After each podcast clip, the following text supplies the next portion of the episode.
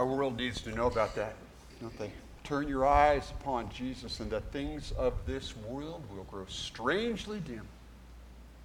The things of this world will grow strangely dim in the light of His glory and grace. There are a lot of things in this world that pass for being important, and that the powers of evil would use to try to consume our attention and draw us away from turning our eyes upon Jesus. And our role is to get to tell people a Greek word. You all probably know it.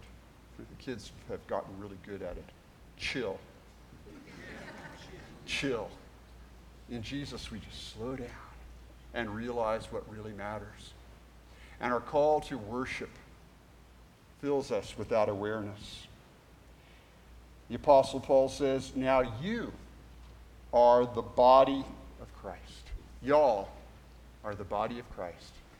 And individually members of it. Are all apostles? Are all persons sent out? Are all prophets? Are all teachers? Do all work miracles? Do all possess gifts of healing? Do all speak in tongues? Do all interpret? No. But strive for the greater gifts. And I will show you a still more excellent way. And then Paul begins to talk about one word. Do you know what that word is? Love. May we love God so completely that nothing else matters. And may the world see that. And may we reflect it as we come into God's presence, giving God thanks, praising God with our songs and our hearts and our lives. Let those who are able stand. Let us stand and come together and worship and praise joyfully the living God. Lord, what a gift it is to realize that you not only love us, but you equip us to let our lives be instruments of your grace and peace in this world. And you give us these very tangible gifts that we now return to you so that people would know the wonder of belonging to you. Lord, make us hot for that. Let us not grow cold. Let us not be lethargic or anemic or mediocre. Let us be excited about giving you everything that we are so that someone might know the deep salvation that comes from you alone. All these things we pray in Jesus' name. And all God's people said, Amen. Well, recently I, uh, I talked about fixing stuff with super glue, and uh, really appreciate uh, all of you uh, encouraging me in that regard. Um, I've kind of gotten over that part, but I, I, still really like to fix stuff. And uh, this past week, I was trying to fix uh, the toilet, and, and you know something? You go to these big box stores, and they, they have parts for, for things, but they're not exactly the part that you're really supposed to use. So it says, has this word, universal fits everything perfectly. It's a lie. It fits nothing perfectly. In fact, it fits everything not perfectly. And so I went on, I went to uh, Amazon and found exactly the right part. And then I didn't have to use any tools. All I had to do was take my hand. It took two seconds. Put the piece in, turn it one time, boom, it worked just right. And this morning we're going to look at, again, this magnificent word, Romans, about how God sets us free by giving us just the right tools and making us just the right tool for the application. And I think that may be the most powerful thing is to realize that the hands, the heart, the face, the ears, the character that we have, that God gave us, are for His purpose because He knows there's a very specific situation that we were made for. We are the exact part. So let's look at that together in Romans chapter 12. We looked at this last week, the first two verses, where Paul says, I, I beseech you, I encourage you, I urge you, brothers and sisters, by the mercies of God, to present your bodies a living sacrifice, holy and acceptable to God, which is your spiritual worship. Do not be conformed to this world, but be transformed by the renewing of your minds. That is what Paul has called us to. And here's why. Let's take a look at this. The next verse, Romans chapter 12, verse 3, right on through the 21st verse, tells us this. For by the grace given to me, I say to everyone among you not to think of himself more highly than you ought to think, but to think with sober judgment, each according to the measure of faith that God has assigned. For as in one body, we have many members. There we go. For as in the one body, we have many members, and not all the members have the same function.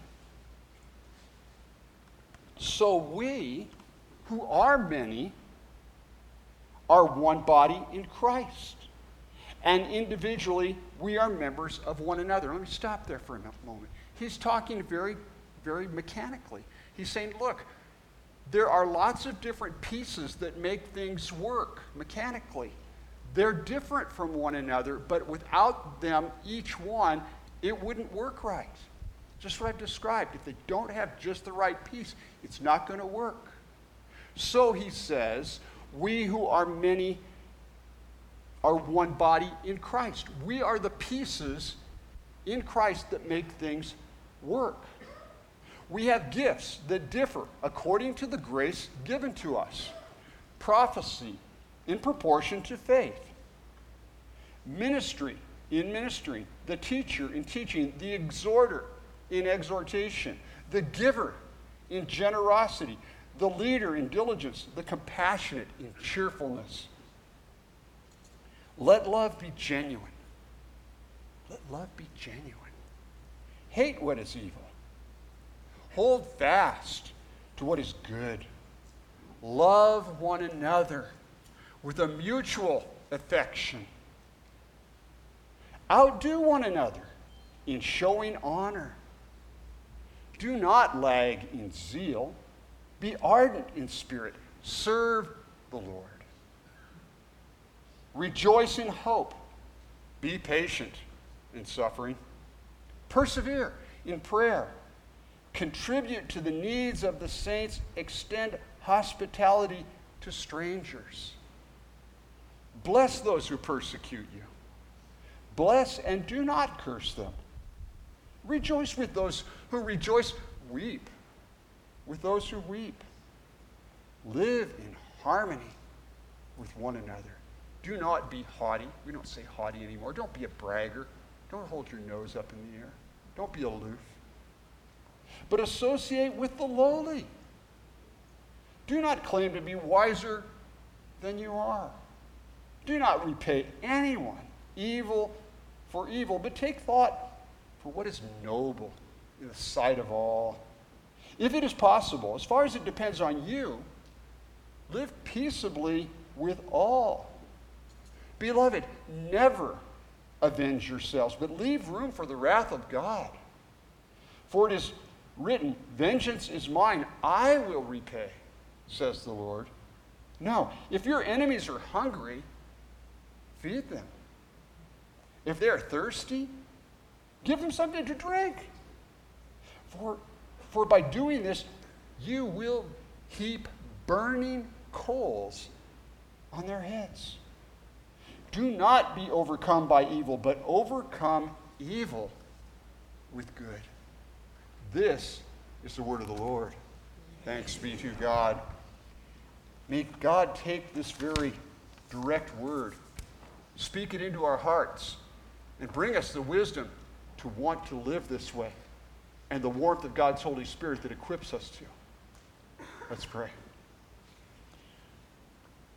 Oh God, our Father, let your good news come now in all of its sweetness, in all of its astringency, in all of its saltiness, in its preserving power. And let us let it find us not only in word, but in power, in your Holy Spirit. And therefore, with the assurance that the words of my mouth and the meditations of all our hearts would be truly acceptable in your sight, O Lord, for you, you are our rock. You are our Redeemer. How we do thank you for this and pray all these things, therefore, in the strong name, the saving name of our risen Savior, Jesus Christ. Amen. I got a question to ask. Uh, is it just me, or, or in this era where it seems everyone gets a trophy for just kind of breathing, uh, and where everyone is supposed to have high self esteem? What does that mean? Uh, you know, it, does it seem to you that voices seem to be more and more shrill about personal rights and about how I'm entitled? Does it seem to you when if we're all if we all have great self-esteem and, and we all have a trophy and everything's it's all good, you know that one? It, is it, does it make sense to you that people are going, but what about me? What about me? It doesn't make sense to me. In fact, I think Shakespeare nailed it. He said, Methinks we dost protest too much. Yeah, we're, we're all going, oh, yeah, yeah, I feel really good about myself. Unless I'm not getting my way. Unless you're not taking care of me. And see, I got a trophy here. It says, I, oh, I saw this. This is great. Karl Barth said you should preach the gospel with the Bible in one hand and the newspaper in the other. Frank and Ernest the wife is standing next to her husband and explaining to Frank and Ernest, she says, he calls himself a trophy husband, but he's more of an award for participating.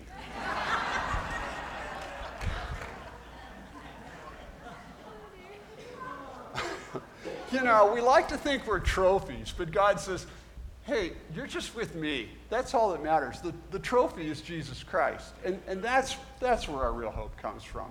So we need to just get over ourselves. So, so where does the gospel message lead us? In this maze of who gets what and when and how and in what order and what about me? It's all very simple. It's all very, very simple. The gospel leads us away from these questions about self because the more we realize what we have been given in Jesus Christ, the less we need of what the world has to offer trophies, everything and all. That's why the refrain from the old rugged cross is, is so profound. So I'll cherish the old rugged cross till when? My trophies at last I lay down. I will cling to what? The old rugged cross and exchange it what? Someday for a crown. There you go. That's the hope we need. That's what the world out there needs to know about.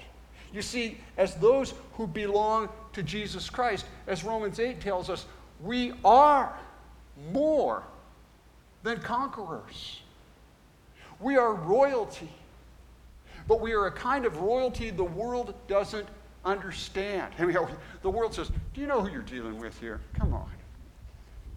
We say, Do you know who we're dealing with here as we point to the cross of Jesus Christ in the most blessed way. Do you know this is the one who was willing, as we sang this morning, to take our place on our worst day?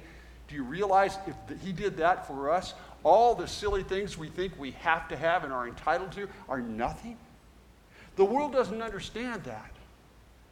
We are the kind of royalty that is based on servanthood to all who surround us because we belong to the King whose identity is bound up in giving himself away for all that he loves. Donald and I were talking recently about what nobility really means. The nobles of the land were at one time those who went out and served their people. Remember, Donald, we were talking about that? Then to be truly noble, to be truly elevated in the old way of thinking, the classical way of thinking, was to be saying, What can I do for those whom God has placed in my life? That is what God calls us to. And we have been gifted by Jesus Christ to live out this model of nobility. So that when our minds are renewed, we are not conforming to this world. We are living the grace that allows us to get beyond thinking too much of ourselves when we start to separate from those we would rather not serve when we cross the street or look someplace else because I don't want to go there. I don't want to have to enter into that. But when God gifts us, we have a new mind, a new way of thinking. And the gift of being in Jesus Christ is that which enables us to want, to desire, to serve those who we would prefer not to tolerate. This is the age of tolerance, right? Everybody tolerates everybody else. That's, that's the new buzzword. I'll tolerate you, you tolerate me. We'll all tolerate one another. Kumbaya, yeah, you know. Um, it's working really well, I've noticed. Uh, the gospel is so antithetical in our world. The gospel of servanthood and truly seeking the welfare of the least in our lives is so antithetical because even to that part of our world that cries out supposedly for tolerance, even those who call for this are intolerant of those who they regard as intolerable. Isn't that ironic? You bet it is. So, how do we live beyond this world? How do we get over ourselves and stop taking ourselves so seriously that we start to take seriously what Jesus has given us to do with deep joy and gratitude and power and satisfaction. It begins by not conforming to a world of narcissistic individualism. It begins with that. And realizing on very practical terms, we are all one in Christ. And we are all in this journey homeward together. There's no Lone Rangers. We are linked together. And our mission on the way is to collect as many ragtag individuals to come with us into the eternal kingdom of God. You know about the painting of the two pictures of heaven. There's a great banquet. Actually, it's once a painting of heaven, and the other is a painting of hell. And in hell, there's a huge banquet spread for everyone. And, and people are sitting around and they're handcuffed together and they have one long spoon. And, and they, they get what's on the table but they can't get the spoon to themselves. That's hell. It's, they're starving. It's a marvelous banquet but the spoon won't reach. That's hell. In heaven same exact setting same exact situation but the people are reaching across the table with the long spoon and feeding one another. There it is. We are members of the body of Christ, and we are making sure that no one starves on the way home. In fact, that everyone is lavishly treated for God's glory, fed with the power and the grace and the mercy of Jesus Christ. A key to this is servanthood, in which no one regards themselves as more significant than another, but with humility for even being called and grateful for a place on the team, we learn to celebrate that we are one in Christ for His purpose and His glory. Because you know something? No one person can do everything that they need to do for themselves and or everyone else. It takes all of us. But each one of us can be a servant to someone else. Each one of us can serve the larger body. We are all needed, and every one of us plays an essential part. Every single one of us. Those little kids who left this morning, who were up in Sunday school, they're teaching us that they know how important it is to be praying. We learned this week in our, in our study of Christian distinctiveness that no two pieces in the temple fit are, are, are the same. Every single piece in the temple is different, but they all go together to cause the temple to be one. Every single one fits only one place. And so it is with our journey. Only as we play our part will we find the harmony in God's plan because we won't be trying to play someone else's music. This means using the gifts, the tools, if you will, that God has given us and using them well. And realizing that if you're a clarinet player, don't try and play the trump, trumpet player's music. It's not going to work. It means that living for God's glory is realizing that the person God has made us is not an accident, right? Will Shadle reminded me that that whole concept is, is starting to sweep our nation. The whole, this whole idea that it's, this is not an accident, is it, Will? God is at work. Every one of us is here for a purpose. And who we are is who we are for God's purpose. God made us who we are and gave us the situations that we have so that we could know Him and make Him known. And when we are letting God's grace shape and transform us, we will be living into this by letting the tools we have be the ones we use, rather than saying, well, why don't I look like that? Why don't I have that person's abilities? How come I don't have all their money? Why doesn't that person have a wart and why don't I have all the. It, we, stop by being, we stop being envious or resentful of our situation and rather go, hey, only I can do this. Only I can do this because God gave me to, this to, to use for His glory.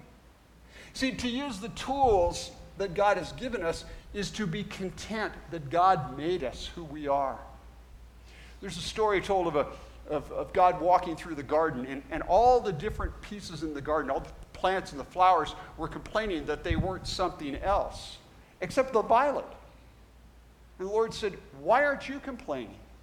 And, and Violet said, Well, I just figured you needed violets and you made me to be one, so I'm going to be the best violet I know how to be. What's your name? Who are you? Who am I? That's who God calls us to be for His glory. It's in realizing the very core of what's been shaping this part of Christ's body. We are not an accident and we go nowhere by accident. And living this comes from being very practical about how we live in Christ. It comes from humility. And here's what humility is. I read this this week uh, from Professor Cornel West. To be humble is to be so sure of oneself and one's mission that one can forego calling excessive attention to one's status and one's self. And even more pointedly, to be humble is to revel in the accomplishment or potential of others, especially those with whom one identifies and to whom one is linked organically here in the body. I'm celebrating you. You're doing it. Hooray! Not me, you. Humility means two things one, a capacity for self criticism. The second feature is allowing others to shine, affirming others, empowering and enabling others. Those who lack humility and servanthood are dogmatic and egotistical. This masks a deep sense of insecurity. They feel success, the success of others is at the expense of their own fame and glory. If criticism is put forward, they are not responsible for it. And this produces, a, of course, an authoritarian sense of self. I'm better than everyone. It's, it's, that's not how it works.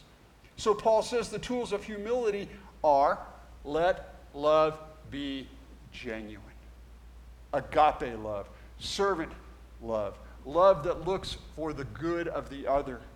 It's not about me, it's about Jesus.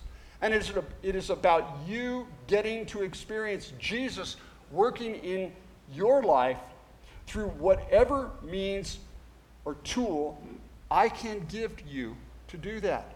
There's no, what's in it for me? There's no, well, what about me? Or, or, well, finally, they're doing it my way. In genuine love, we are a living sacrifice. We are set apart, as we learned last week, to be God's tool in the way we are transformed so that someone else is transformed. We get over ourselves. The most content people you will ever meet are people who have gotten over themselves and they didn't do it themselves. They did it because Jesus Christ said, I cherish you. Don't worry about you. Be thinking about the other person. Paul says, hate what is evil. If there's ever a time to hate, it's to hate that which is evil, which separates us from God. Hold fast to what is good.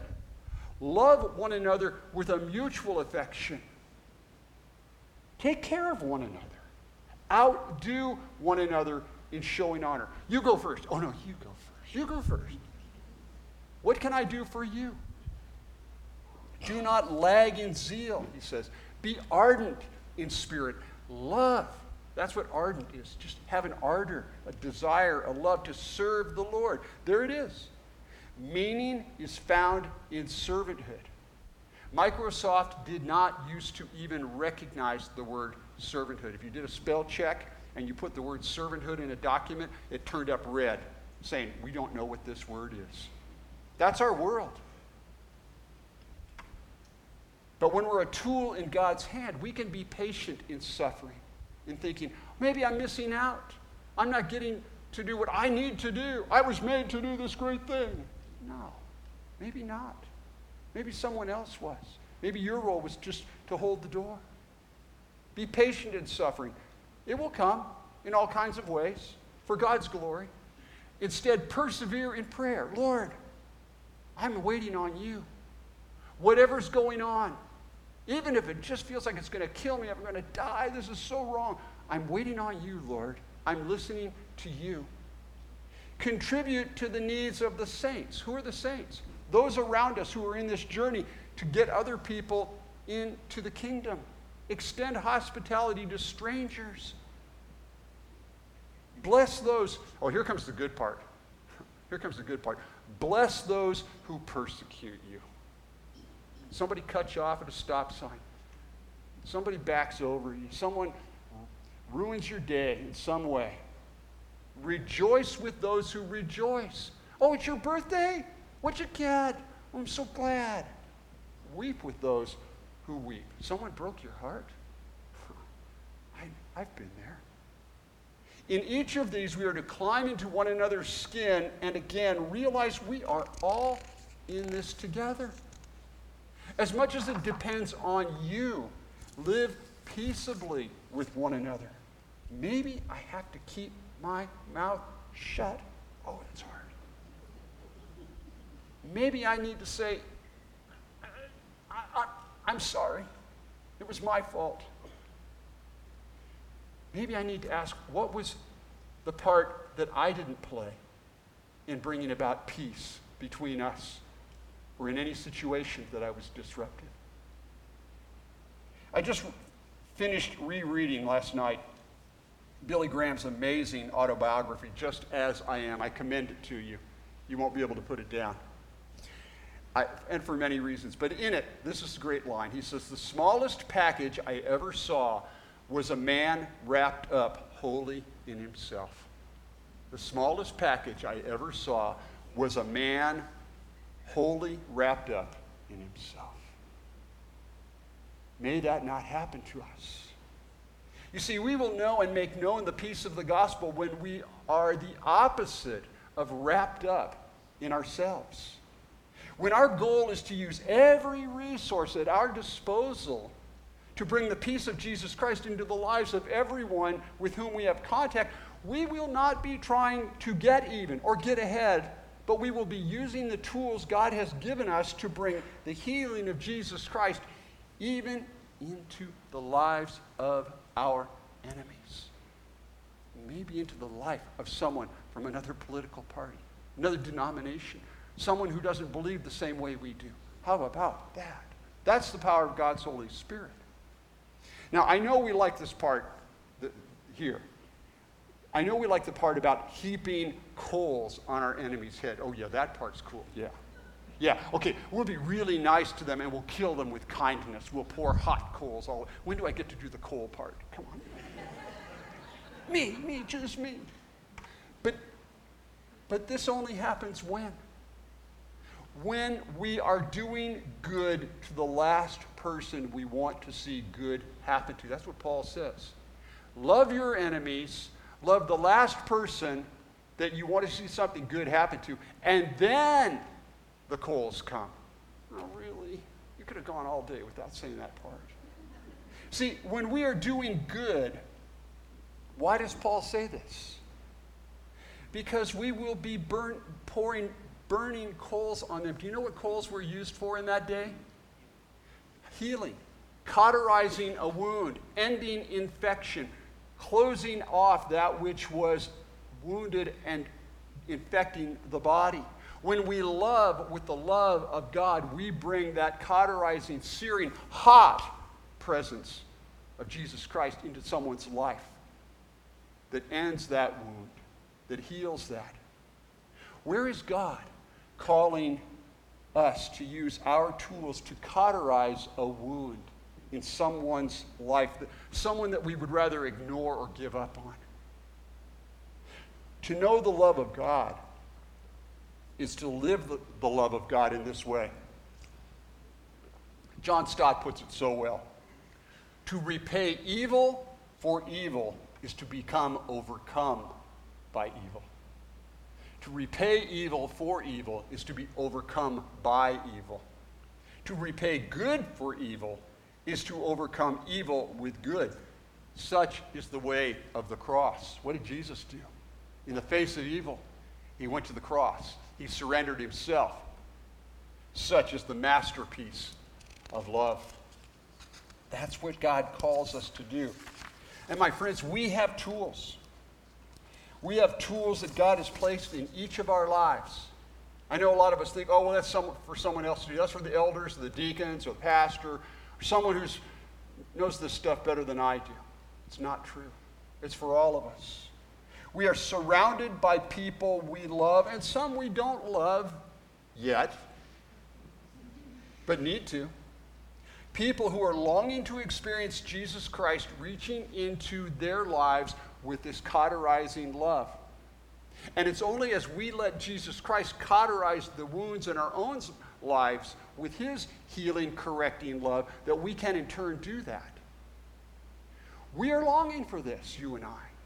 We may not realize it, but that's what we're longing for. We try to solve it with all these crazy, stupid schemes of the world. But what we're really longing for is the love of God to love us on our worst day and to cauterize our wound. And the way we will know this is to live it in such a way that people say of us as a whole and as individuals, as they, what they said of the body of Christ in the first century look at how they love one another. Let love be mutual. Look at them changing one another's flat tires. Look at them fixing dinner for one another. Look at them forgiving one another. Look at them being honest and bold and courageous and loving. We need this. The world needs this. The future of the church depends on this, and our peace will be found when those are the tools that are at work in our lives. It all comes down, get this, it all comes down to simply being a good aunt. And I don't mean an aunt. And I know in these days, talking about a good aunt is not an easy thing because I think most of us have been plagued by ants in the kitchen of recent, haven't we? Oh my gosh. But it all comes down to being a good aunt. And I know this in this season it sounds like an oxymoron, but listen to this. A, a study was published about uh, 12 years ago that revealed that worker ants sacrifice time and efficiency in order to teach other ants how to find food, a practice that is beneficial to a whole society. And I know this ben- metaphor is lost on our world because that can't happen unless we are living the way we were created to live. Ants, by the way, are not fallen. I know it's hard to believe this, but ants are not sinful. We are. They are not. They're just being ants. And as such, they do what's best for one another. We will only do what's best for one another when the Holy Spirit has come in and seared our hearts with those burning coals and we are hot for Jesus Christ. But in this study, this is very interesting. When a female ant goes out to find food, I love this. She will often choose another ant to accompany her. They go shopping together. Now, if the second ant doesn't know the way to the food source, or the I mean the mall, um, the leader will teach her through a pro- process called tandem running. As the teacher runs along the, the path to food, the student follows behind and will often stop to locate landmarks, creating a gap between herself and the leader. And when the student is ready, she will run forward and tap the, her teacher on the back legs. Okay, I, I get it now. Now, the process is extremely beneficial for the student. Ants participating in tandem running located a food source in an average of 201 seconds, where ants that didn't took uh, 50% longer or 35% longer. However, the process is detrimental for the teacher. Research indicated that the lead ants traveled up to four times faster when they were not encumbered by the student. The lead ant is going, hey, I'm hungry, let's go, I don't need, you find your own. No, willing to take four times as long to get something to eat. So, why do the leaders sacrifice their time and energy to teach others? According to the study leader, they are very closely related nest mates. They are very closely related. And their society will benefit as a whole, and they know it. Ants are so stupid, aren't they? Not. This occurs as the students gradually learn their way and are able to teach other ants, which increases the efficiency of the entire population. But more than that, everyone is getting what they really need. Researchers also observed that some teacher ants would simply carry a follower on their backs and drop them off at the food source.